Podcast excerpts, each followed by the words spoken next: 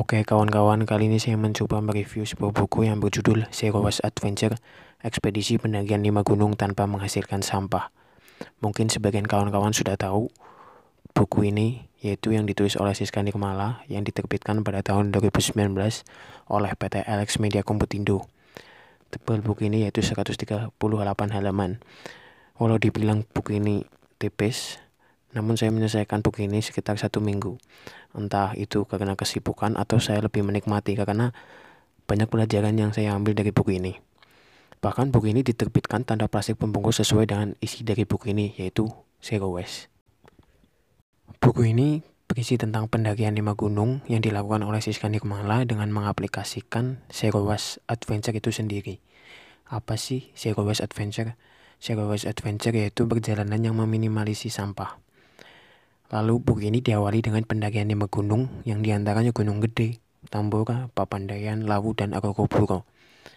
Yang saya suka dari buku ini yaitu jadi di setiap pendakian dilakukan dipaparkan manajemen perbekalan apa saja yang dibawa dan wadah perbekalan yang tidak berpotensi menghasilkan sampah sesuai dengan jangka waktu pendakian. Jadi buku ini bisa dipelajari untuk teman-teman yang ingin mendaki dan bingung manajemen perbekalan apa saja yang dibawa. Setelah saya membaca gunung-gunung apa saja yang didaki oleh Siska Kemala, ternyata di setiap gunung terdapat masalah sendiri tentang sampah. Bahkan semakin ke sini semakin banyak sampah yang dihasilkan, karena semakin banyak orang yang berbondong-bondong untuk mendaki.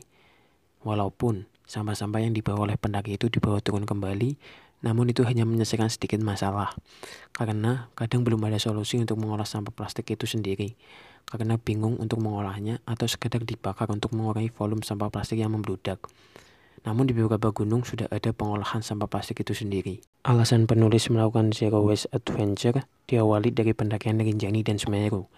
Di situ penulis merasa gelisah dengan masalah sampah di gunung yang luar biasa, dan juga budaya mendaki orang Indonesia yang seperti itu. Lalu seorang sahabat dari penulis atau dari Siskani Kemala menyarankan agar melakukan pendakian Zero Waste, dan akhirnya muncullah Zero Waste Adventure sebagai jawaban kegelisahan dari Siskani Kemala.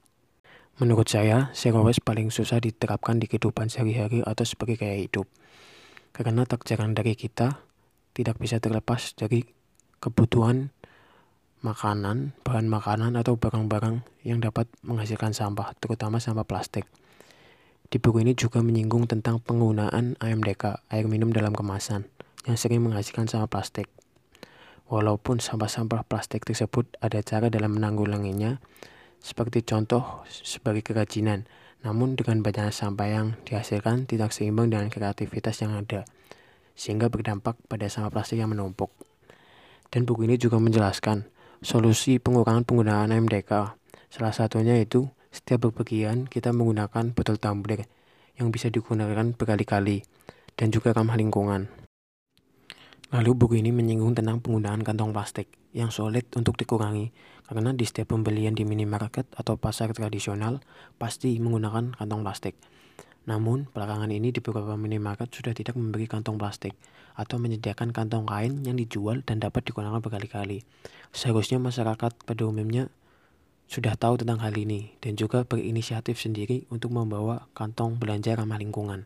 Buku ini juga tidak hanya membahas konsep pendakian gunung yang menerapkan sistem zero waste adventure.